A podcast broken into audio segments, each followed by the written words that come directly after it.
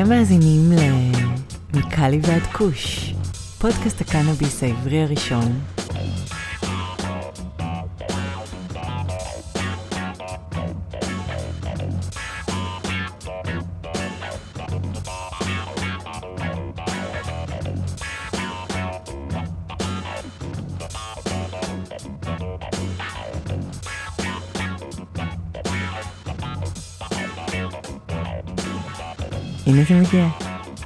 אהלן אהלן, מה קורה ארי?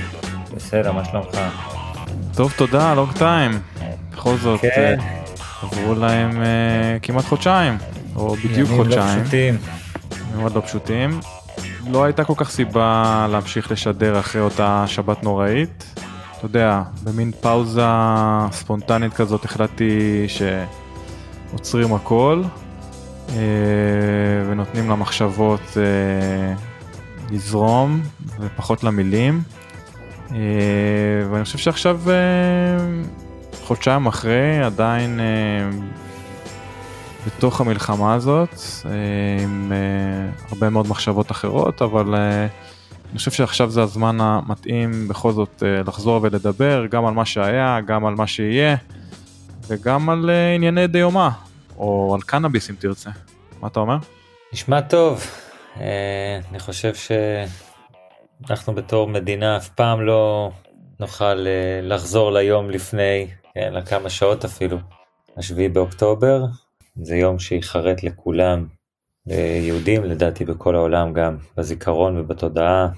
אבל כן, the show must go on מה שנקרא, ואת הקצת טוב שאנחנו עושים למאזיננו עם התכנים שאנחנו מוצאים להם, בהחלט אה, הגיע הזמן לפרסם שוב פעם ולהקליט ולתת להם קצת תוכן, אה, אולי לנקות את הראש איתו ובעזרתו מהמצב הזה. לגמרי. אז uh, היום אנחנו קצת נדבר שלא כמנהגנו דווקא לפני הפרק. ובסוף השיחה שלנו אנחנו פשוט נעלה את הפרק שהקלטנו עוד הרבה לפני המלחמה, לא הרבה לפני אבל לפחות שבועיים או שלושה לפני שהמלחמה החלה. ואני רוצה להתחיל קודם כל ולשמוע ממך איך אתה בימים אלו, איך, אה, איפה תפסה אותך המלחמה ומה התוכניות לעתיד אם, אם בכלל יש תוכניות כאלו. ש... וואלה, שאלות טובות. אז אה, כמו שאתה יודע, אני גר במטולה, אה, ממש 500 מטר מהגבול. אה, מהבית אפשר לראות את לבנון ואת העמק ואת כל זה. באותו יום שבת אה, קמתי מוקדם, את האמת, אה, במטרה ללכת לעשות היילין, שזה הליכה לרצועות בין מצוקים, וכולי הייתי נרגש כי מלא זמן לא עשיתי את זה. אז קמתי מוקדם להגיע לספוט שלי בערך 20 דקות מהבית בצפון איפשהו ואני עומד לעלות על הליין חבר שלי כבר נמצא עליו הוא הולך הלוך חזור הוא כבר בדרך חזרה וחברה שלי פתאום אה, מתחילה לשלוח לי הודעות אתה חייב לחזור הביתה היה פיגוע רציני יש אירוע אפילו לא אמרה פיגוע היא אמרה יש אירוע רציני מאוד בדרום חייב להגיע הביתה עכשיו, אתה יודע, אני חושב לעצמי, בסדר, אירוע רציני, מה, אתה יודע, כמה טילים כרגיל. ודי נפנפתי אותה. כאילו, אמרתי, הכל בסדר, אני אחזור, נסיים, אני אעשה את ההליכה ונקפל.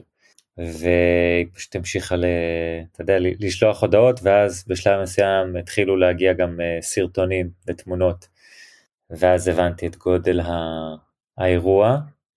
זה באמת ברגע ש... חבר שלי אמיר הגיע כבר אה, די חזרה לכיוון ממנו הוא התחיל ללכת, אמרתי לו שמע אנחנו חייבים להגיע הביתה, אה, חס וחלילה חיזבאללה החליטו גם לתקוף באותו יום, אתה יודע המצב היה יכול להיות רע מאוד. אז ממש באותו, באותן דקות חזרנו הביתה למטולה ופשוט ארזנו תיק ונסענו ומאז לא חזרתי. אז כמעט חודשיים שלא הייתי בבית. ובזמן הזה גם התגלה לי שכל החלונות בבית נופצו מגלי הדף אז אין כל כך גם בית לחזור אליו בינתיים והייתי קצת במושב אצל אחותי וההורים שלי בשבי ציון ואז החלטנו קצת לנקות את הראש לטוס לפורטוגל לקצת זמן גם ככה אין לנו באמת לא היה לנו לאן לחזור, אז אמרנו נעשה ככה גיחה קטנה לפורטוגל. כרגע פורטוגל, למרות שאנחנו חוזרים לארץ עוד שבועיים וחצי בערך, ואז נראה, נראה מה קורה. מקווה שדברים יירגעו, מקווה שהחזית הצפונית לא תיפתח יותר ממה שהיא כבר נפתחה. אבל אה, כן, זה המצב אה, שלי בחודשיים כמעט האלה. הופתעתי והתעצבתי מאוד מכל האירועים של אוקטובר 7 בלשון המעטה. אותי זה תפס כבר בבוקר שאחרי, או יותר נכון בערב של אותה שבת השחורה שלכם בישראל. הלם מוחלט מאז, uh, הרבה מאוד מחשבות לחברים שנמצאים בישראל, למכרים, לכל מיני אנשים שלא ראיתי הרבה זמן, לחבר'ה מהמילואים וכולי וכולי. וקצת חוסר אונים גם, אה, שאתה נמצא פה בארצות הברית, מאוד רחוקה ממה שקורה בישראל, ויש מאוד רצון לעזור, ויש פחות דרכים.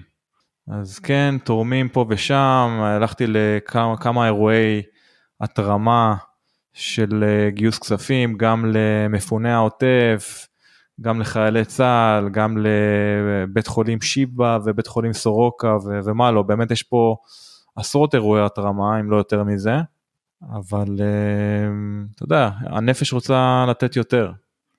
כן. אז uh, הרבה מאוד אנשים מסביבי נותנים פה, בעיקר כלכלית, אבל uh, לא רק, זאת אומרת, מיזמים כאלו ואחרים.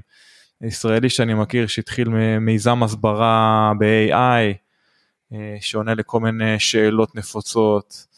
אה, באמת, כל אחד אה, מביא את, ה, את הטוב שבו ואת מה שהוא יכול לעשות למען המדינה, למען המפונים, למען כל מי שהושפע מהמלחמה הנוראית הזאת. אז יפה לראות שכמה לא מפתיע, דווקא אה, בגלל או בזכות המלחמה הזאת עם ישראל מתאחד, אם זה בתפוצות או אם זה ב- בישראל עצמה. אני מאוד מקווה ורוצה להאמין שאנחנו ננצח פה ושמדינת ישראל ובכלל המזרח התיכון יתעצב מחדש בעקבות כל המאורעות האלו ושאנשים לא נפלו לחינם בניגוד לכל מיני סבבים קודמים או מלחמות אחרות אפילו. אני מרגיש שזה ממש הייתה עדיין מלחמה, מלחמה על הקיום שלנו. מלחמה של חושך נגד אור מבחינתי. ואת החושך צריך לנצח בש... בכל, בכל צורה. ועדיין צריך להתמקד, אחרי המלחמה עדיין צריך לדבר על מה יקרה ביום שאחרי, מתי יחזור או מתי תחזור תחושת הביטחון לאותם uh, תושבי העוטף וגם תושבים כמוך שפונו מגבול הצפון. אבל uh, כן, יש הרבה מאוד שאלות, uh, אין לנו יותר מדי תשובות כרגע, אבל כמו שאמרתי, אנחנו לא נהיה אותו דבר, ואני מקווה שרק נתחזק. אני לא חושב נורא. שהעולם הולך להיות אותו דבר גם, אני חושב שיש פה איזשהו שינוי מומנטום מבחינת התפיסה של מנהיגי העולם גם. ביחס לאסלאם הרדיקלי והקיצוני.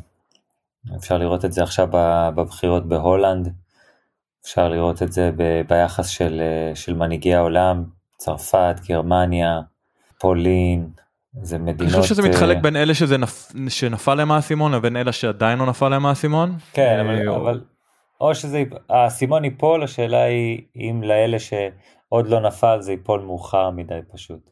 אין ספק, אין ספק. אנחנו יודעים שזה לא רק מלחמה של ישראל מול uh, חמאס, אלא גם, כמו שאמרתי, מערב מול מזרח, חושך מול אור. קיצוניות. ציב... מול... ציוויליזציה, כן, קיצוניות מול uh, ליברליות אם תרצה. אז תשמע, אנחנו יכולים פה uh, לזיין את המוח שעות על המלחמה ועל המצב, ואנחנו כנראה עושים לי, את זה ונעשה יש... את זה בינינו. כן, כן יש לי בשורות משמחות, אבל uh, בתוך כל הבלגן והכאוס שהיה. אוקיי. אה, קצת, כן. אשתו של אה, חבר שלי שנחטפה לעזה אה, שוחררה. זה היה נפלא. מאוד מאוד מרגש לראות משמע. ולשמוע. קוראים לה ירדן, ירדן רומן גת, והיא הייתה בקיבוץ בארי. אחותו של, של חבר שלי עדיין נמצאת בשבי לצערי, אבל, ואימא שלו נרצחה גם, אבל מתוך כל העצב הזה, אז באמת עצם זה שאשתו חזרה זה מרגש מאוד, והיה משמח ביותר לראות, לראות את הסרטונים שלה ואת התמונות שלה עם, עם הבת הקטנה שלה ואיתו, מרגש מאוד מאוד. בהחלט מרגש. אוקיי, אז כן, קצת חדשות טובות ב... כן.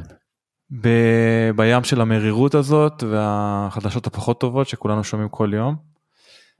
אה, ברשותך אני רוצה שוב אמרתי אנחנו יכולים לדוש בזה שעות ואנחנו פה בשביל לדבר על קנאביס ועל פסיכדלים.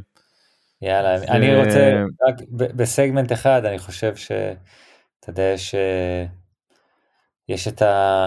את כל האירועי 710 אה, בארצות הברית. Yeah, ו... אל תגיד לי את זה.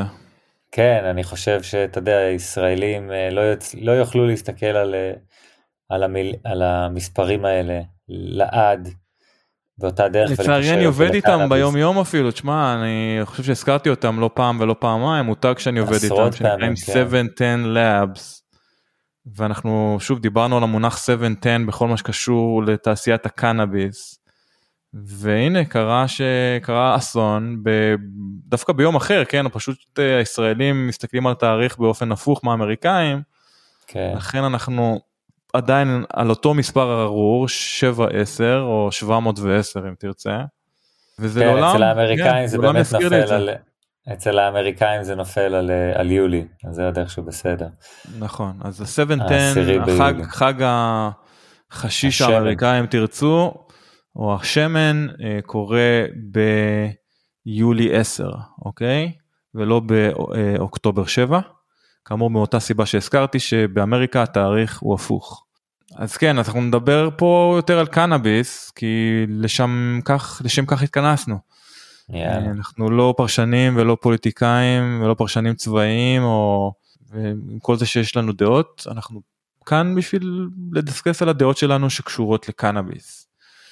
אה, או על עובדות כן? לצורך העניין. אז אה, אתה רוצה אולי לדבר על אה, מיזם אחד שאתה מכיר שקשור לעולם הקנאביס בישראל או בחו"ל אה, לטובת המלחמה או לאותם אותם נפגעים מהמלחמה? המון המון אנשים שתורמים מזמנם ומהתוצרת גידול שלהם לטובת מטופלים בתקופה הזאת, המון uh, עשייה של אנשים עצמאים בהעברה ושינוע של uh, תפרחות, שמנים, כל מיני דברים כאלה, בין אם זה נפגעים ישירים, או בין אם זה מפונים, אנשים שלא יוכלו להגיע לבתי מרקחת שלהם. יש המון אה, חוות וחברות שנרתמו גם לדבר הזה ותרמו הרבה מאוד חומרים. אז אה, כן, יש, יש לא מעט אה, אנשים שבאמת החליטו להרים את הכפפה ולעשות מעשים טובים ולעזור למטופלי הקנאביס בתקופה הזאת. יפה.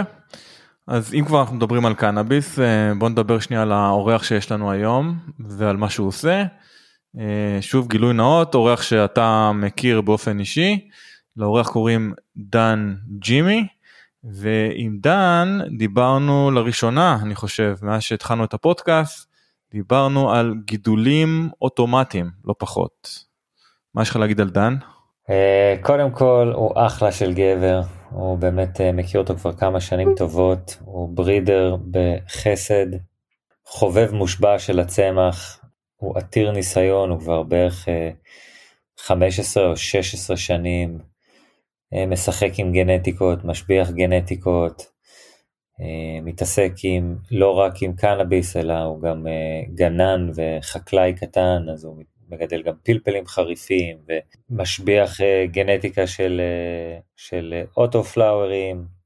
באירופה התחום של האוטו פלאוארים מאוד חזק ובארצות הברית הוא לא היה ככה ועם השנים התחום הזה הולך ומתפתח ותופס יותר ויותר אה, תאוצה ויותר ויותר מגדלים מתחילים להבין את הפוטנציאל שיש באוטו פלאוארים ובאמת ב-15 שנים האחרונות הגנטיקה של, ה, של הצמחי אוטופלאואר רק הולכת ומשתבחת עד uh, שהיום יש לך באמת צמחים של אוטופלאואר שמגיעים לרמות שלא נופלות בהרבה מרמות של אה, צמחים uh, רגילים של פוטו רגיל.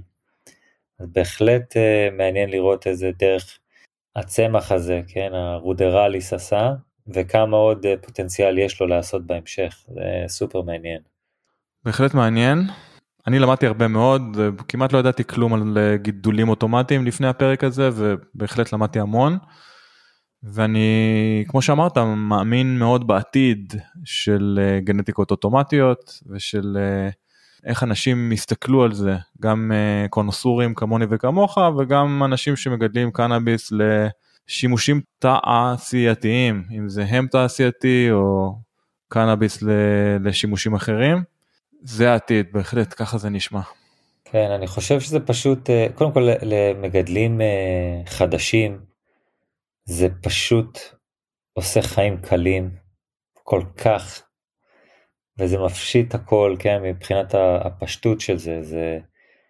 אתה לא צריך להתעסק עם אה, שינוי של התאורה, אתה לא צריך להגיע איתו לגודל מסוים ואז לעשות לו פליפ, אתה לא צריך להתעסק עם מתי אה, לשתול אה, בדיוק ולקצור כדי שלא יהיו את הגשמים של אה, אוקטובר ואתה יודע אם אתה באזור גשום כזה זה ממש הכל אוטומטי. אתה יודע שתוך תלוי בגנטיקה כמובן אבל יש לך יש לך צמחים שבין 50 וקצת ימים עד ל-70-80 יום יש לך צמח גמור מוכן אתה מבין? זה משהו מדהים וזה לא תלוי באור זה לא תלוי בתנאי אור שאתה מציב לצמח. אז זה נהדר, ולאנשים שבאמת אה, רק מתנסים בגידול, זה יעשה הבדל אדיר בין, אה, אתה יודע, בן אדם שרק מתחיל אה, לגדל בשביל הכיף ומתקשה עם כל העניין של האור ותאורה ודשנים וכל הסיפור הזה, פתאום, אתה יודע, זרוק את הזרע שלך לתוך. החור הקטן באדמה ו- ושא ברכה, תתחיל להשקות, תתחיל לדשן וזהו. יפה, אז uh, רק תזכורת קטנה, את הפרק עם דני הזכרנו, uh, הקלטנו כבר לפני מספר חודשים, וזהו, אנחנו נחזור אליכם במתכונת uh, חלקית, uh, לא מלאה, uh, אנחנו נקליט מה שנקרא כפי יכולתנו, כפי שהמצב ירשה לנו. ונמשיך לבוא, נמשיך להביא לכם עוד תוכן בשבועות וחודשים הקרובים. שוב, לא מבטיחים עדיין לגבי התדירות, אבל מבטיחים להמשיך להביא לכם עוד אורחים מעניינים, זה בטוח. Uh, מקווים שכולכם בריאים, שלמים ובטוב באופן יחסי. תודה שוב על ההאזנה, וברשותך ארי אני רוצה לעבור לפרק עם דן ג'ימי. כל מי ש... מאזין לנו שרק טוב, שמרו על עצמכם אם אתם במילואים או בצבא או בכל מקום אחר, וכן, תהנו מהפרק. אוקיי, okay, אז uh, זהו כאמור דן Jimmy. Dan, Jimmy, good morning. How are you doing today? I'm fantastic, Dan. How are you doing? I'm pretty good myself. Give us a sense of geography. Where are you in the world today? Um, I am in Washington State in the uh, Kitsap Peninsula. So, pretty much as far left as you can get before you have to go to Alaska to get any further. Oh, wow. It's honestly um, one of the most beautiful areas I've lived. I've lived in um, six or seven states across the United States um, in my time, and out of all of them, uh, this is the, by far the most beautiful. I mean, I grew up in West Virginia. It's gorgeous there. It's a different kind of beauty, but uh, Washington State just has got something different about it, for sure. Absolutely. So I'm based in Los Angeles, California, and Ari, my co-host, is based in Metula, Israel. What's yeah, up, Ari? Everything is good. I'm excited for this interview. Same here. Ari, it's all yours. All right, let's get it going. So first of all, like I said, I'm excited. Uh, I've known Dan for quite a few years and uh, love the guy and uh, love what he brings to the cannabis industry. So uh, we'll take it from here. So, Dan, can you give us your uh, basic background? You said you grew up in West Virginia and just, you know, how you got involved in the cannabis space. Yeah, man. Um, and Ari, it's a pleasure to have you here too, my friend. It's always good to hear your voice and always good to catch up with you. Uh, much love as well. Um, like you said, we've known each other a couple years now, and um, it's always good to you know catch back up. So this is pretty sweet. As far as like my background, I did grow up in West Virginia, and then around 18, I decided to start exploring the United States, basically chasing an IT uh, career. You know, there wasn't much offered in West Virginia and dabbled a little bit in cannabis, you know, later in high school. And then um, obviously in college, you know, there was more exposure um, to the cannabis scene, which wasn't much of a scene back then as it is today. Moved around and found myself in Alabama for a while. And when I was in Alabama, I was married, um, and my ex wife's mother had colorectal cancer, and father in law was, you know, keeping cannabis around for medicine for her, but it was getting costly because uh, we were in the deep south. And, you know, I was like, you know what, I think I can do this. And um, that's basically what, you know, got me into the growing side um, was to help provide, you know, medicine to a patient. And then being in the South like that, I wasn't trying to grow outside, obviously. And we needed some, um, you know, quick turnaround for the medication. She had stage four colorectal cancer by the time they caught it, unfortunately. So it was pretty much a hospice style, you know, pain maintenance regimen that we were looking for. And I started, um, you know, obviously started off with photo periods. But like I said, we were looking for a little bit quicker turnaround. And then I got into autoflowers, and we'll dive into more of that, I'm sure, here shortly. But you know, that's kind of how I got my start into cannabis and growing cannabis anyway. So yeah. So give us a a time frame. When is this? What uh, what years? So we're looking around. So my daughter is 14 years old, um, and I started two years before she was born. Trying to do quick math here. 2007. Yeah, 07, 08. Yeah, 07, sorry, my math's 08. a little slow. no worries, no worries. So that that's what got you into uh, into growing, and it's uh, a fairly similar story with many other uh, growers and breeders. Someone got sick, or themselves they were sick, or trying to get off certain medications. They uh, run the risk of uh, growing some cannabis, growing some medicine for themselves, and discover a, a new hobby and a new passion. And so you mentioned photo periods and you mentioned yeah. uh, autoflowers. Can you give us a brief history of autoflowers and how they differ from photo periods or what we're known as, you know, what we think as uh, regular cannabis plants that we're used to? Absolutely, dude. Um, so autoflowers have a genetic input called ruderalis. It's uh, some people call it a subspecies, some people call it, you know, a different variety of cannabis, but at the end of the day, it's still cannabis sativa. Um, you know, it's still a cannabis plant because it does produce psychoactive properties, but the original ruderalis wasn't in high numbers of the THC, which is the psychoactive uh, compound that we all know so well. These plants are what is considered day neutral. Um, day neutral meaning they don't require a photocycle to endorse to induce the flowering hormone. Uh, these plants can be grown under 24 hours of light. They can be grown under 10 hours of light, which I wouldn't recommend. You're going to hurt your yield, but they they're non-dependent on a photocycle. Whereas photoperiods, which most of us are very familiar with, and a majority of the people have grown, do require a photocycle for them to actually begin the flowering process. And what I mean is there has to be short daylight hours for them to um, start and trigger the flowering process. So the biggest difference between them is one requires a photocycle and the other one is light cycle independent. Very interesting. So it can be an easier grow for uh, new novice growers, I assume, also, right? They don't have to fit, fiddle around with changing the lights, or they can just turn them on and call it a day. They don't need to all of a sudden switch the cycles. They don't need to, you know, wait for the plants to get to a certain size before flipping uh, to flower, so to speak. And there's no flipping to flower, as a matter of fact. Correct.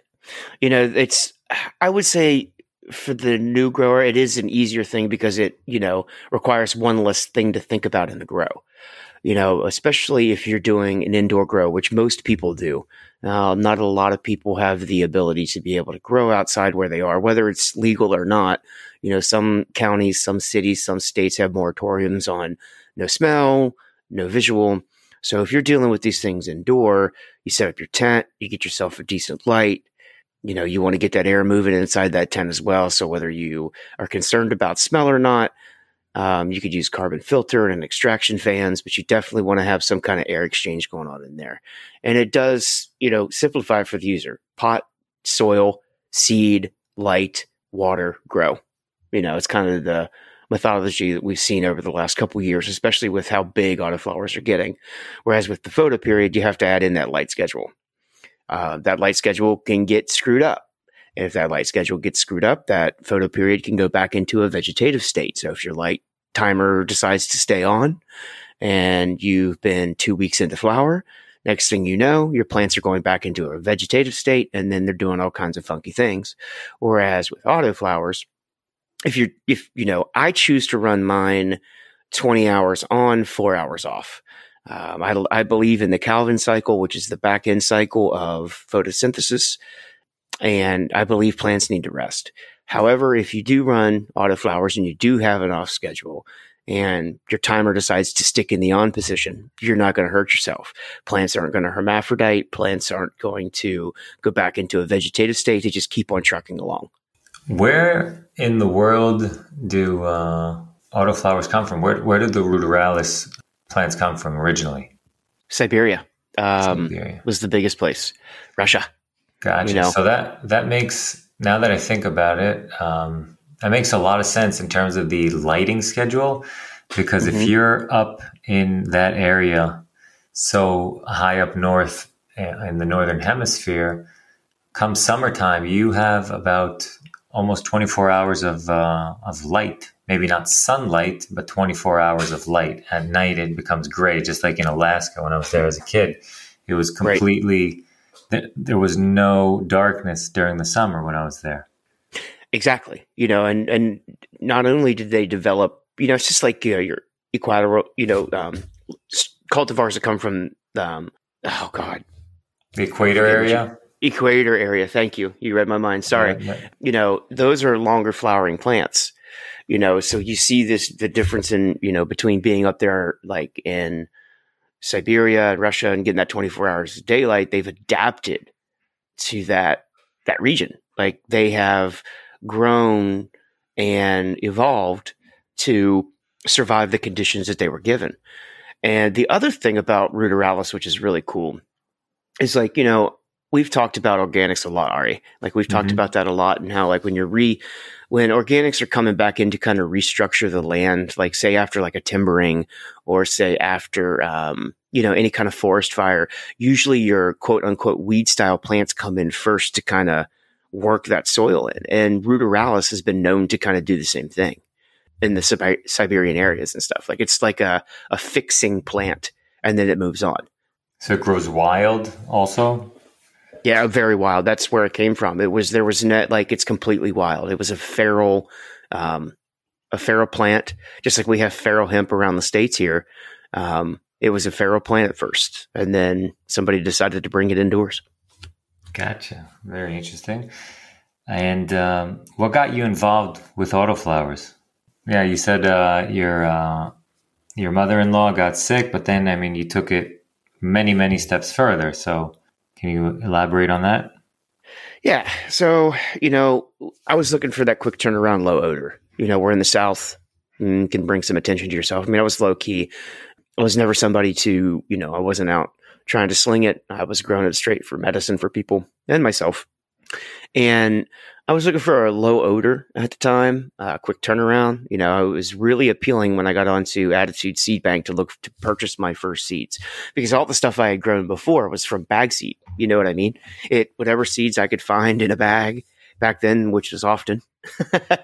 um, you know, uh, that's what we were growing. You know, good old ditchweed, basically. And um, you know, I decided to buy my first seeds, and when I was going to buy my first seeds, I wanted to buy something unique. It was low odor quick turnaround time. And I stumbled across autoflowers on the Attitude Seed Bank I think everybody's heard about Attitude. And I bought a pack of Purple Ryder. And the Purple Ryders were basically in the Lowryder family. You know, you had Lowryder, low rider 2, purple ryder, and it was released by under the name of Joint Doctor. But the seeds and He's still around. Yep, Sasha. he is still around. I've met him. I've actually seen him starting to pick up on Instagram here and there. And then from what I understand in the story that I was told, the seeds that made the purple ryder came from a breeder named Mossy um, who worked with Joint Doctor, or they had conversation years ago because he was working with autoflowers, and I know Mossy she was working with autoflowers, but she had the color. I'm pretty sure Mossy is the first breeder in the autoflower world that ever came out with colored flower autoflowers. Like I've never seen anybody else claim that um, in the years I've been in the forums and in in the scene. So I bought those seeds, got them over here, decided to do an 18 six light cycle because I realized they were, um, you know, light schedule independent. And the first grow was incredible. Uh, 72 days, I was snipping flowers. You know, I was impressed. How did it compare to the uh, photo period yield? The photo period yields that I was, I mean, it was minuscule compared to them at the time. Um, at the, I mean, I still kind of haven't stepped out. Like when I do my indoor grows, I'm growing into maybe three gallon pots. I don't grow in anything larger indoors and we can get into that later as to the why. But um, you know, I was I grew it in a one or two gallon pot. I got maybe a couple ounces off of it, whereas you know the photo periods, you know, they were getting just shy of six foot tall, a couple inches shy of six foot tall, and you know, getting six foot tall plants and plants as wide as you know two to three foot wide. You know, we're getting several ounces. I'm not going to sit here and claim that I was a pound guy back then because I wasn't. Also, the lights, I'm sure, had a lot to do with it, and what we know about the plant then compared to what we know about it now, I'm sure made a big difference. You know, and it's funny that you mentioned that um, with the lighting because back then I was trying to be as low key. I wasn't ordering anything off of Amazon. I sure as hell wasn't going to a lighting company and asking for indoor grow lights where I was at. You know, I messed with everything from CFLs. Like you remember, I'm sure you guys remember these, the old twisty bulbs, the CFL twisty bulbs that we had. Like I built a hood out of plywood, wired up this hood from plywood and put in, you know, dual sockets on them. And I think I had about 10 of those twisty bulbs underneath the hood, you know, and that's how I was growing my first plants. From then, I actually got a little bit of gumption to order a uh, 250 watt HPS from, I want to say it was HTG Supply, I think, you know, magnetic ballasts, um, fireball, hanging fireball basically. Um, and that changed some things with the autos uh, yield for sure. But even the photos yielded a little bit decently underneath those CFLs at first, but things really changed when I got into some real lighting. Gotcha. And uh, I'm going to get back to a few uh, questions from what you previously mentioned, but that's later on. So, um, where did you learn to breed, and uh, where did you learn to breed autoflowers? So, I learned I guess the same way anybody kind of that wants to start out into it just started playing around. And I also was lucky enough to have, and you'll probably hear me mention this a couple times, uh, Mossy as a mentor. So during the 2007, 2008, 2009 era of time, we were all on forums. We didn't have Instagram. People weren't sharing stuff on Facebook. You know, that stuff really wasn't happening uh, due to the fact legalization isn't where it is today. So we had forums you know, um, I ran around on rollitup.org. I ran around on IC Mag and got banned. And then why'd you get banned? Because we were openly talking about breeding on the forum. Hmm. so they banned me and Mossy. I met Mossy on Roll It Up.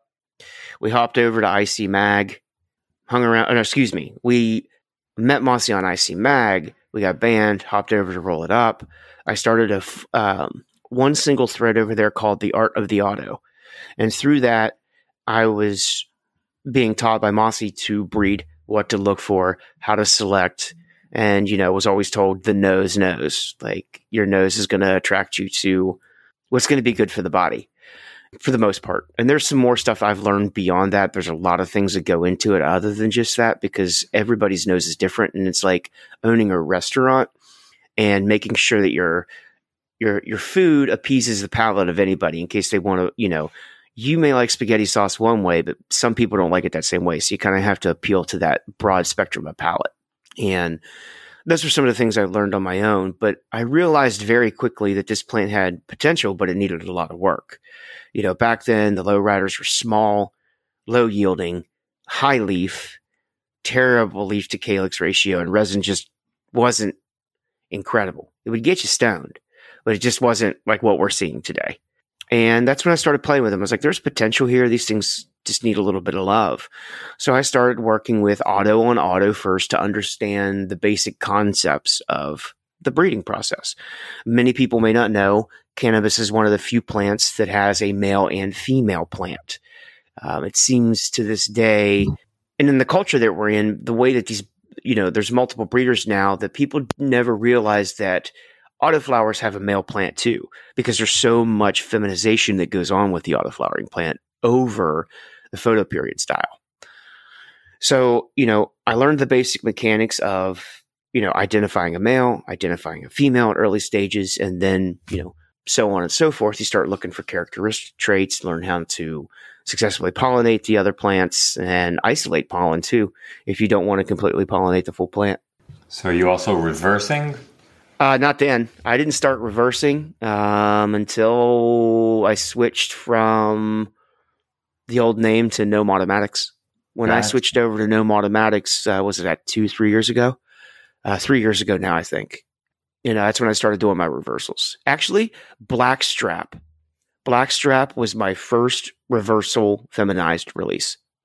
So, in case our listeners don't know what reversals are, can you just explain what that is real quick? Absolutely. So, you know, as I mentioned a minute ago, cannabis has a male and female plant.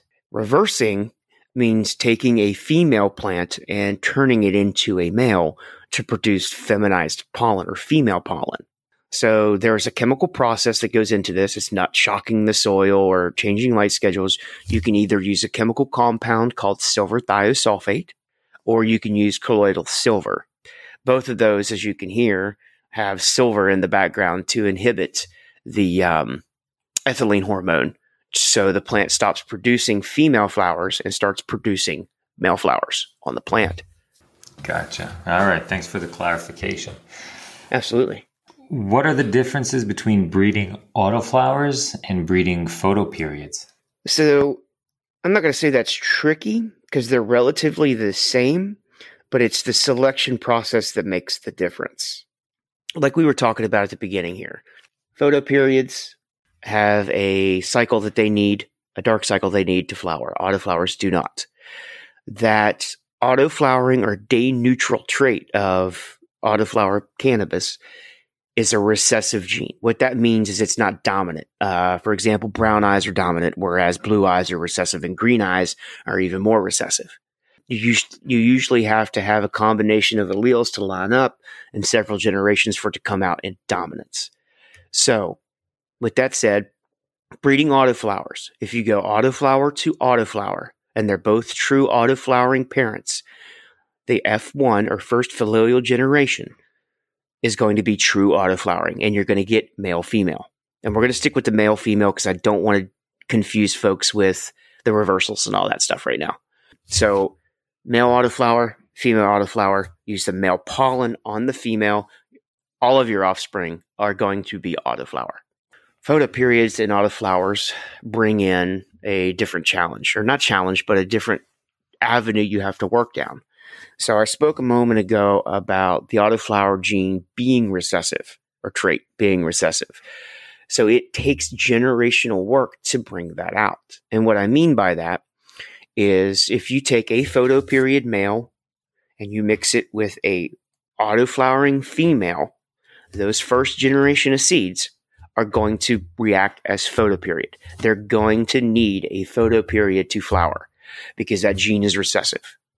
Then what you do, if you want to continue to make that photoperiod an auto, you have to inbreed them. You take a male from the offspring and a female of that offspring, and you make what is called the F2, which is the filial generation, the second generation.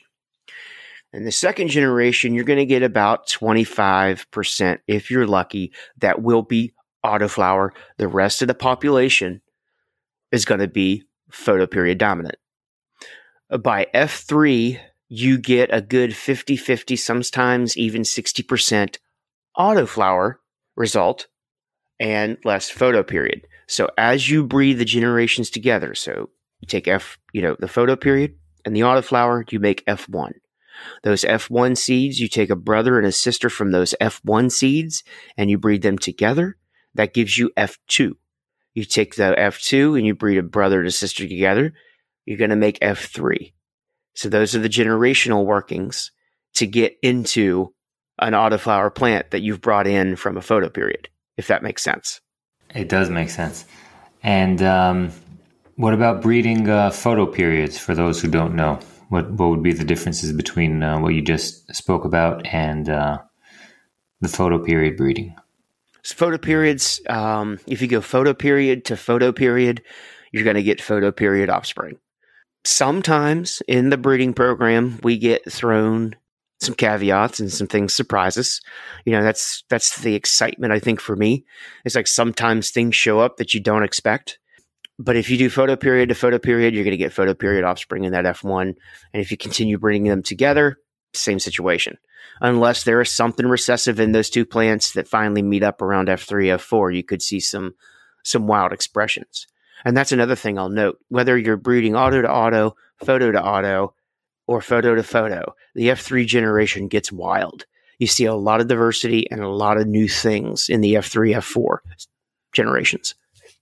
So, from what I understand from what you just said, is that it seems that the process of breeding autoflowers is a much more complex process than breeding photoperiods. For instance, you can take two photoperiods and call it a new strain and sell your seeds. Whereas with you, if you're taking traits from a photoperiod and trying to add them to an autoflower, you have to go through a lot of cycles in order to get a true autoflower, which would be day neutral and flower regardless of the light cycle. Is that correct? That is correct. I mean, you can always do auto to auto, but then, I mean, you know, you're not doing much work there. You know, a lot of people, if you want a new autoflower, there's a heck of a lot more work than just making a new, you know, photo period Because auto to auto is easy. I mean, we got, I mean, there's enough autos out there now where guys are doing that. You know, they're going auto to auto because there's been, you know, gentlemen like Daz, myself, you know, and a few others that have actually been doing the photo period to auto work when we want to bring in something new to our stables, you know, and then there are guys out there that do auto to auto.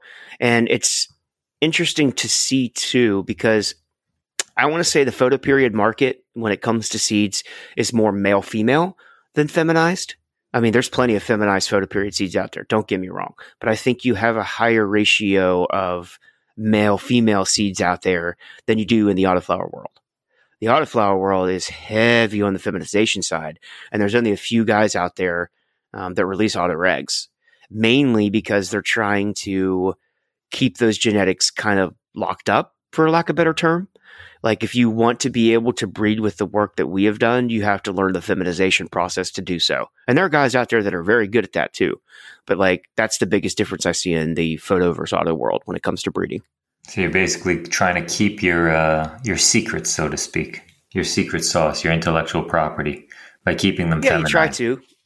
Exactly. I mean, you try to, and like I said, there are guys out there that do know the photoperiod, pro- or excuse me, the feminization process, and you know they're taking stuff that we've worked on and you know releasing lines with our work from you know auto to auto crosses without doing a whole bunch of like bringing photoperiod traits into auto form and creating a new line to you know basically diversify yourself in a giant swimming pool. It's kind of cool. Sometimes you know you can um, it's cool to have people want to use your genetics in their breeding program. It's kind of an honor. That means you've done some work right and people are, are paying attention to you. But at the same time, a lot of people don't want to give credit for that back history either. Right. And there's no uh, compensation or reward for all your hard work and effort, which I was going to exactly. ask you about that. How, how does that make you feel? And then you said it, it you, feel honored on the one hand, but on the other hand, someone is uh, riding on uh, your, your back, basically. Yeah, you know, like I've done several collaborations. The mm-hmm. collaborations have been fun. They're awesome. Daz and I work well together. His plants and my plants, for some strange reason, play well. He brings in the terps and the frosts and bud structures, and then combine it with the size and stability and mold mildew resistance and sexual stability with mine. The those hybrids turn out fantastic, you know. And there's always been there's always been like a there's there's a business side behind it that too you know like there's monetary value exchange. When we do these collaborations together it's not just hey can i do this? Is that okay? You know and like yeah but then there's also an roi on that. And then there's other people who just want to take it. They see it's great. Everybody knows it's great. They run with it and then boom it becomes best sellers for people. And with no nod no thank you i think it's awesome you guys are using it. It's it's the highest form of a compliment to be completely honest with you but at the same time, it's kind of shitty or a little bit of shade when people don't at least give you a nod towards it. I don't care about the money. It's just like, hey, you know, let some folks know where it comes from. It's like um, uh, imitation is the greatest form of flattery, right? But uh, Hundred percent. here it's literally, it could be potentially just changing a tiny, tiny fraction of, of what you've already done and just going along with what they have. Yeah, and most of the time they're F1 hybrids, which can mm-hmm. be fine. Don't get me wrong. There's there's two styles of F1 hybrids, and we can get into that if we have time. But like sometimes the work of the other parent isn't as good as the work as the parent that they selected, and you know, doesn't always work out. Is basically what I'm saying. Dan, can autos and photos have the same terpene and cannabinoid content, or does the length of growing matter in this respect? And I know you said earlier in the interview that you were looking for plants that didn't have much of a smell. So I'm Right. curious to know how the plants compare on that terp level and that pungent smell or that strong, you know, weed smell, which many of us know and love. Yeah. So in the beginning, yeah, there was no smell. I mean, it was very light, very floral, very earthy. Uh, incense, I think, like Nag Champa would be the best way to. That's my Kinda favorite describe it. incense. Oh, me too, dude. The blue But, one, like- the blue one. yes, sir. Blue box. Yep. Blue and red. Blue and red. Yep. Uh, but like you know, early days, yeah, they weren't comparable. But nowadays, I think that they are on par. Um, I've had autos that smell like blueberry. I have uh, have had autos that smell like straight gas. Some of Daz's stuff is very very gassy. Um, THC levels have increased tremendously. I mean, I remember back in the day, six, nine, ten percent, and now you're looking at plants, and we know I'm going to throw this out there. Testing can be biased. Some labs do it differently, but like I consistently test 18 to 25% with most of my autos. You know, it ranges per cultivar, you know, and I think that's comparable. I mean, most of the photo pla if I go to a store and I actually buy flower from a dispensary here in Washington, um, my favorites are around 18 to 22% like the 29s and the 30s and they're, they're missing content. I think you're losing other parts of the plant when there's just so much focus on the thc um, and so as far as like comparable quality today yes. You know 15 years ago no way. No way I'm curious to know about the resin production. Do some of your genetics also produce a lot of resin compared to photo periods? Yes. Um, I actually took first place in the 2020 Cup, uh, the Auto Cup up here on the Hood Canal in hash production. Um, I did bubble hash. Um, I Wow. did. I didn't do um, hash rosin. I just did, you know, fresh frozen. Once it was frozen, I put it through the wash process. After it was washed, you know, I collected all of my um, collected all of the bubble hash and froze it into a brick overnight. And then after it was hard frozen, I took it across a microplaner and just put it on parchment and then let it dry in the refrigerator, you know, over about a week because I don't have a freeze dryer. And, um, you know, I was able to take first pla- first place in the extract category uh, for the hash Nice. from my autos. So they do make it. Yep. Wow. Dan, my co-host, is a big uh, hash man, so that's why uh, that, that's why the question, that the does it wash question, would come from. Yeah. Oh yeah, no, and you know what's really cool? So I had the opportunity this summer. I've got some really good friends. Uh, shout out to One Eleven Ranch and the boys at Cracking Cannabis, um, Kraken Cannabis, and all that. Um, they did a field. We called it the Auto Zone this summer. They ran a field of my genetics, and um, they washed every bit of it. So I'm like, I don't have the test results yet back quite yet. We just figured because what we did instead of doing it by individual cultivar, what they wanted to do was run a field of autos to see the commercial viability in their program because they strictly make, I mean, they sell flower, but their primary focus is hash rosin. Like they make Yep. six star, some of the, the, the best hash rosin I've had um, comes out of this guy's farm. And they took all of it and just basically put it all together to make like you know what what a lot of these farms are doing. They're either doing it for biomass for concentrates, like you know pens, Yep. or they're doing it for biomass for you know ice wash hash. Sure. Or gummies, edibles too. Yeah. Now we have the trend of uh, solventless edibles in California. I'm sure that in other states as well. So yeah, I mean, I think you know the future of the industry, uh, at least some of it is uh, is solventless and concentrates as a whole. Mm-hmm. And if those autos can produce so much resin or enough resin, it can potentially replace um, mainstream uh, cultivation, right? And that's what I think a lot of folks are going for. Um, and I think this is a good, you know, you bring up a really good point here. Who doesn't like a bumper crop, right? You know what I mean? And like the autos can produce that bumper crop to where they can keep their, you know, their shelves stocked and, you know, while they're waiting for their photo periods.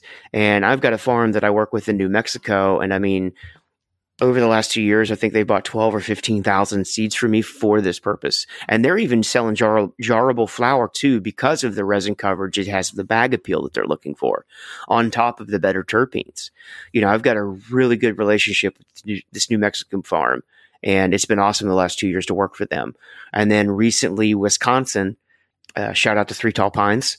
Those guys are loving what they're seeing up there with the latest stuff that I've done. Um, and they're going both sides. They're looking for flower, looking for concentrate. Yeah. Um, so Dan, next question: uh, Do you see autoflowers outselling photos in the future, and what do you think the future of breeding looks like? Do I see them outselling? Potentially. Um, as far as like completely replacing a crop, I don't think so. Um, you know, where I there is a fine line that we're starting to reach when it comes to time. Um, and what I mean by that is you autoflowers, you want to try to stay under 90 days or it doesn't become beneficial for multiple rotations per year by farm, if that makes sense. Because then if you're looking at 120, 140 day, you know, flower or plant cycle, it's roughly around the same time it takes to clone, veg out a plant, and then throw it into flower. You know, there's there's not a big difference there. I think the commercial viability of the autoflower is going to be better um, in time with terps and the resin as it already is. But I also think this, you know, 70 to 75 days is appealing to get that bumper crop, like I was saying a moment ago, in between your photo period harvests. I think that's what we're going to be looking at in the commercial market because that's that's the trend I'm seeing from my business. You know, uh, these guys, these farms that I sell to, and there's multiple other farms across the country I've sold to over the last couple of years. They're looking for them as bumper crops and biomass, like I said, um, to do the concentrates and even jarrable flower if it works right. Some of the indoor facilities are doing the same thing. The indoor autos tend to be more jarrable flower because they're not in a field. They, you know, it's less risk. It's better IPM. You know how it goes with indoor. And I think the future of breeding is just going to get better and better when you have people paying attention to detail. I have some work in my lines that I need to do from a personal aspect that I think that I could improve. And I think with the quality of breeders who actually sit back and think of these things and take the positive as well as the negative feedback, which I think is important to make a better plant for the autoflower in general. You know, as we get further down the line with photo periods and gentlemen like myself working with photo periods and s- strong, stable autogenetics, I think we're going to see a bright future for autos. I don't think they're going to go away anytime soon. I think they're really starting to make their wave, especially as each market goes green. Like one of the first things I get hit up on is when a state goes, you know, legal, either medical or recreational, that's when I start getting phone calls. We want to run autos. You know, they want to get them in, get it started, get going quick. So I think there's a place in the market for both. I think the future's bright. Great. Thank you for that. That was very interesting. If you don't mind, I want to uh, move to some personal questions. Sure. And first, I want to know how do you consume your weed and what are some of your favorite products or cultivars, if you will? So, my favorite way, I love flower and I have a variety, but I'm primarily a, I like to chill them. And I also have like a Sherlock pipe too. So I can get the full embodiment of the flower. I really enjoy that style. My second best would be gummies, edibles hands down. And you were talking about the solventless gummies. For some reason, they Yeah. just hit harder than traditional. Absolutely. They hit harder. They come in. It comes in waves. Like I got some seventy-five milligram ones right now, and I have to quarter them. Like I tried the whole seventy-five, and and I have a tolerance, but not for that. Sure. like it rocked me. So I mean, those are that's that's my top three. Nice. Any favorite genetics or cultivar that you appreciate the most when you're smoking your weed? Yeah, um, and Ari knows him too. Seattle Chronic Seeds has a cultivar by the name of Melvinz, M E L V I N Z. And I typically don't keep mother plants around. Uh, my indoor facility is basically primed for production. Um, I do my flower grows in the summer for myself, a little bit of breeding outside, not much. But, you know, during the fall and the winter and the early spring, I'm running indoor. And I usually allocate that space for my auto production and pheno hunting.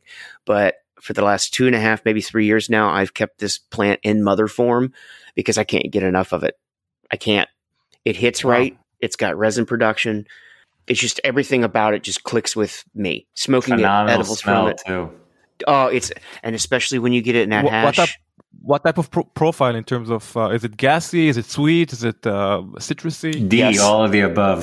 All of the above. All of the above. Really? Wow. yeah, yeah, yeah, Sounds like uh, wow. yeah. Very Um, complex. I, lo- I love all of the above, of course. Uh, I love the sweetness. I love the gassiness, and I love the the citrus uh, back end, if Oh, you will. Yeah, I I mean, like you, like Ari said, D all the above. It checks all those boxes. Um, super, super f- uh, fast flowering time. Takes a while to veg. She stays pretty squat, which is really nice. It's really good, especially if you're keeping a mom indoors. But like once she initiates flower, by week three, the resin's starting to pour out onto the leaves. Like she's a dumper. She hashes well, so there's another box checked. But that is probably my favorite cultivar that I've had um, in years. And then I got a new one this year from a friend of mine, uh, Magnetic Genetics. He's out of Port Townsend. He's north of me here in Washington State, and um, it's called Blueberry Dump Cake, and it smells like blueberry cake. Um, and the reason he had a dump to it is it does a, it does a decent job of um, uh, during the hash process, during the wash process, and it's a stacker, little lanky, but you know it, it can't check every single box. Um, but the terps on it, uh, very blueberry, very sweet, and Nice. those tend to be volatile. So you got to be really careful when you dry and cure it. But yeah, it's um, I'm excited about it. I'm real excited about it. First of all, shout out to uh, Rob, love the guy from Seattle Chronic Oh Seeds. yeah, Are you uh, working Melvinz into your uh, autoflower lines? I am. He gave me the graces. You know, we had a conversation. He's like, "Bro, I wouldn't have given it to you if I didn't expect you to play with it." There you go. you know, I mean, he was nice enough to share his breeder cut with me. I didn't even know it was coming, to be honest with you. Um, I bought some Dr. Grinspoon seeds off him during auction. It was during the time he was trying to get moved, you know, and it was like two weeks went by, and I was like, "Hey, I'm not trying to pester you. Just kind of curious. If you sent them off, I wanted to make sure I didn't miss them." He goes, "No, no, no." He said, "They're still coming, but I got a surprise for you." And he didn't say what it was.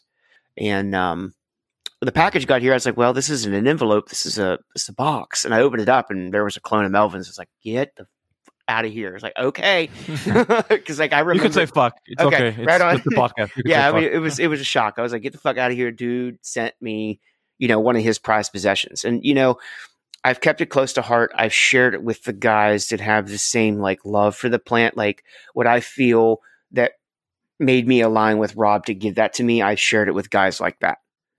You know what I mean? This is kind of how like keep it in the family, guys who are going to appreciate it and not just whore it out to the community. It's a very unique, uh, unique fragrance that plant has. Yes, it makes me So, drool. uh, I definitely want to try it. and uh, do you know if this uh, genetics is available uh, somewhere in California? And if so, who produces uh, or uh, grows uh, this ge- genetics? You won't find it. There's only two farms, I think, in Washington State that Rob's allowed it out to to be done on a commercial level. It's just kind of Wow. it's kind of been in a um like a inner circle share type of deal. Interesting. Well, now uh, you made me even more curious about uh, trying it. The legend of Wanting to get it somehow.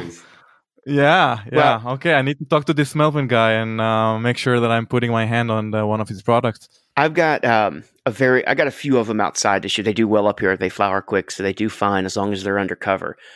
Maybe we have a conversation since you're in California. Maybe we have a conversation offline sometime. We can make that Absolutely. happen. we should. We should. We should. yeah, yeah. Um, let's talk about other categories. We spoke about solventless. We spoke about hash. Uh, I think it's the future. But what other categories excites you the most, and why? I think that's, I mean, where I lie. Like, I like really quality flower. I love the gummies and I love the hash rosin. You know, tinctures are fun. You know, I'm not a big cart guy. Uh, I don't, um, never. Cart? You mean uh, cartridges? yeah, Uh, cartridges. Yeah. vape pens? Yeah, Okay. Vape Yeah. pen. I'm not a big Same. vape pen guy. Like, if I travel to certain places, then yeah, you know, I mean, sometimes you got to do what you got to do. But like, I, I, I don't know. I I, I travel with, with my Puffco, whether it's my Proxy or my uh, Peak Pro. I think it just beats the pen in any Oh, way, other than you know discretion. Maybe it's a little bit bigger, but yeah, it's not that big of a deal for me. Not Yeah. deal breaker. yeah, no, I, I totally get that. But I mean, I travel back east a lot, which is not as friendly as a lot of the places out here. You know what I mean? Absolutely. What do you think about cannabis drinks? Do you think we'll see, you know, the rise that everyone is talking about uh, in the past few years, or is it just a balloon that is going to pop uh, sometime soon? Um, you know, I, I'm really not sure. I've only had a couple infused drinks. They did the ticket. You know what I mean? It's just like an edible to me. You know, you're consuming it orally. Um, you know, I think it's good. There is a few beers in the area here that have done some infusion with with cannabis, and that stuff's pretty good. I really enjoy that, uh, especially with alcohol or with no alcohol? with alcohol. Okay, with alcohol. Yeah, with alcohol. Okay. Um, really enjoy that. Um, I like the flavor. Like I'm a weird. I'm a weirdo. I kind of enjoy the taste of chlorophyll. Uh, you know, I'm- some people might get grossed out by that, but like I like it. um, I'm, I'm not sure it's only the chlorophyll. I think it's also the hops because you know hops and cannabis. Uh, correct me if I'm wrong. Are intertwined genetically, right? Yeah, There they're very connection close between those uh, plants. they're very closely related. Um, like I've actually seen people working on projects of breeding the two together. Interesting. Yeah. Uh, well, the, we have a local beer here in California, Lagunitas, that uh, have their own cannabis water or cannabis beer with no alcohol, but with a very hoppy taste to it. And I I love- love it. I love some Lagunitas. Their IPAs are great. I'd like to see one of their IPAs with some cannabis in it. Absolutely. Maybe one day, but Maybe. not with the current regulations in, in California, at least. well, not with the current regulations in this country, brother. Yeah, I know. What would be your first advice to a cannabis entrepreneur these days? Um, you know, 2023 is a pretty challenging year for many uh, cultivators and, you know, even big companies. So give us an advice that you didn't learn in school. Um, you know, I would say make sure you know who you're working with first and foremost. Do your investigations and be due diligent about knowing who you're getting into bed with. I learned the hard way with that. Got burned several times when I first moved out here because I was eager and I just wanted to be involved and didn't matter how. I had a game plan, but I wasn't ready to launch my brand yet. But, you know, I was just eager to be part of it the one benefit I did get to do was massive pheno hunting. I was able to see what my flower was going to produce as far as test results, color, resin production, and all of that. But I never saw a dime in my first two and a half, three years out here since when I was living here. Um, I got taken advantage of exponentially, constantly, either labor or product. Like I watched my stuff. I have jars of stuff that were produced on farms, a farm here that I never saw a dime ROI for me. It was on the shelf, was sold in the dispensary, was my product, my seed, never got a dime. And I would say be cautious of that. Know who you're getting into bed with, know who you're working with, know who the intentions are, and set some kind of standard up front. You know, that way you have a way to back out or an exit plan. Great point. So, what other players do you personally appreciate in the cannabis space, whether it's in Washington or other parts of North America? Um, a couple, you know, I got a lot of love for Rob Seattle Chronic Seeds. He was one of the first gentlemen I met out here that was legitimately part of this scene, who had been part of the scene for a long time. Um, you know, I, I dropped my first round of seeds. He messages me on Instagram. He's like, "Well, you kind of came out of nowhere." Like, well, I've been working on this underground for a long time, and I finally in a place to, you know, to do it. And you know, we met and had coffee, and it, the friendship just, you know, exploded from there. And then, you know, during my underground days, I started developing a relationship with Daz and Night Owl Seed. You know, I've known him for a very long time now, pretty much as long as the Autoflower Network's been around and beforehand, actually. And, you know, we've done several collaborations. I got a lot of love for Daz. He's true, he's honest, he's transparent, and you just don't find that kind of quality when everybody's grasping for cash right now. Um, Sure. So much love to him, you know, and then of course Ari. You know, it'd be I'd be remiss if I didn't mention you, brother. Um, I appreciate Seriously. that. no, and I, and I mean it, so man. There's there, you're welcome, and there's not many people I have connected with that you know we happenstance meet at this random patient event on Vashon Island. You know, an island here in Washington State, and you're from Israel. You know, and we meet, we connect, and we just hit it off. And then every time we see each other, it's just like no time is lost. Anytime we talk, no time is lost. And second of all, I'm still I'm glad you're still here with us, brother. You know what I mean? Like, um, I am too. I appreciate our friendship. I appreciate our friendship and everything you've done for me over the years. So thank you for that. Thank and you. War- um, warms my heart to hear it. Thanks. Appreciate it. Oh, absolutely, dude. Like it, I would totally be remiss if I didn't mention this, you know. and none of this is in in particular order. Um, and then I got to give a shout out to my guys at Bio 365. Tons of love to those guys. They've taken very, very good care of me over the couple years here. They're my soil sponsor. I've done a lot of autoflower testing and work with them, and you know, to help tweak soils for farms that are running large majority autos. And what are you doing to make a two gallon pot water only through your entire grow cycle? You know, and it's with the help of their soil and you know some down to earth amendments. But you know, that's I would say those are my big ones right there. So, last but not least, music and cannabis is a magical combo to us, at least. So, with that said, what artists or bands have influenced your life and who you are today? You know, um, I like to say my playlists are schizophrenic. Um, I grew up playing brass. I grew up playing um, drums. So I love all genres. Um, I definitely still love my bluegrass. I mean, I'm a West Virginia boy. It's hard to um, give up those bluegrass roots. Um, you know, I enjoy listening to everybody from like, I mean, right now, Zach Bryan is like new on my radar. Really, really enjoying his music. Tyler Childers as well. And then, you know, anything up to like, I listen to Slipknot and, you know, Avenged Sevenfold. Like, I just could go down the list. Like, these are just, you know, bands that I listen to across all spectrum. Just depends on what mood I'm in. You know, if I'm in the garden, I want something upbeat. I'm chilling and relaxing in the evening, um, I'll play, I'll throw on some stick figure, you know, which was kind of awesome. Uh, since we're talking about music, my son is old enough to really enjoy music um, and concerts, and I actually got to take him to see Stick Figure this year. And you know, when he was a wee one, I would read books to him at night, and often put on Stick Figure's you know album for a mix. And he went to sleep a lot of nights to that. So it was really kind of cool to take a band that I love and connect with my son at a reggae festival to see him. So, yeah, I I mean, it's. I think it's a very important thing, just like teaching him how to fish and hunt and forage. You know, music is Yeah. uh, music brings joy to our lives. Absolutely. So, Dan, before we wrap up, how can our listeners follow your work, publications, projects, you name it, online or otherwise? Yeah, so I mean, online is going to be the easiest way to follow me. Um, to find out more information about my company, Gnome Automatics, we got a website out there, gnomeautomatics.com. Um, goes over all of my cultivars, you know, the passion and pride that we put into the product. Um, it has a list of all my vendors and my partners where you can find my stuff. I don't sell seeds directly yet. And then Instagram, it's full duplex underscore AFN. and then the gnome underscore automatics is our main page. So those three places you can find out a lot about us.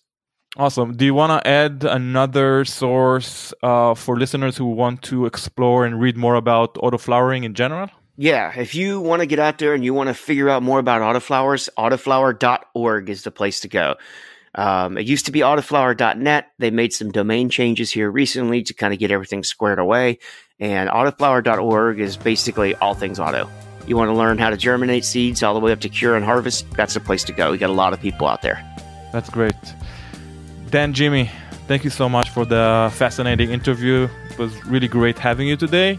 And good luck in the future, both uh, on the professional and the personal side as well.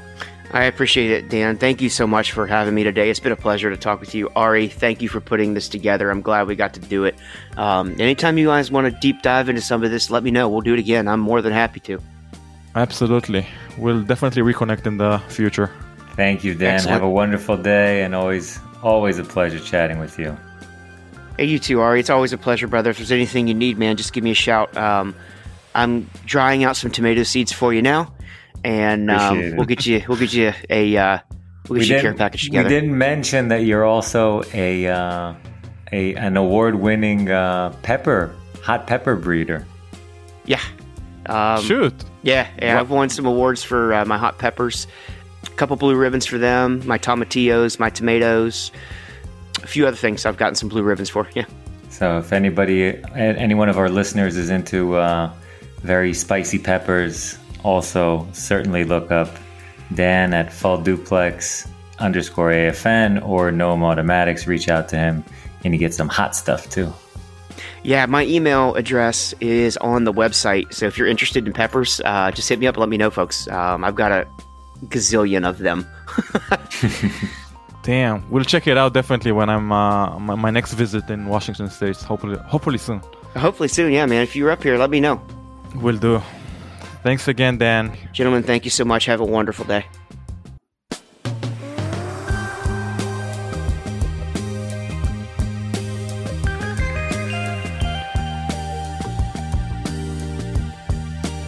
תודה רבה שהאזנתם לתוכנית. כרגיל, אם נהניתם מהתוכן, מהאורחים, אולי מהמנחים, אנא השאירו ביקורת חיובית, אם זה בספוטיפיי, באפל או בכל פלטפורמה בה אתם משתמשים. חשוב לזכור שהמידע שאנחנו מספקים אינו מידע רפואי או עסקי מקצועי. על כן, התייעצו עם רופא או כל בעל מקצוע אחר לפני שאתם מקבלים החלטה שקשורה לקנאביס.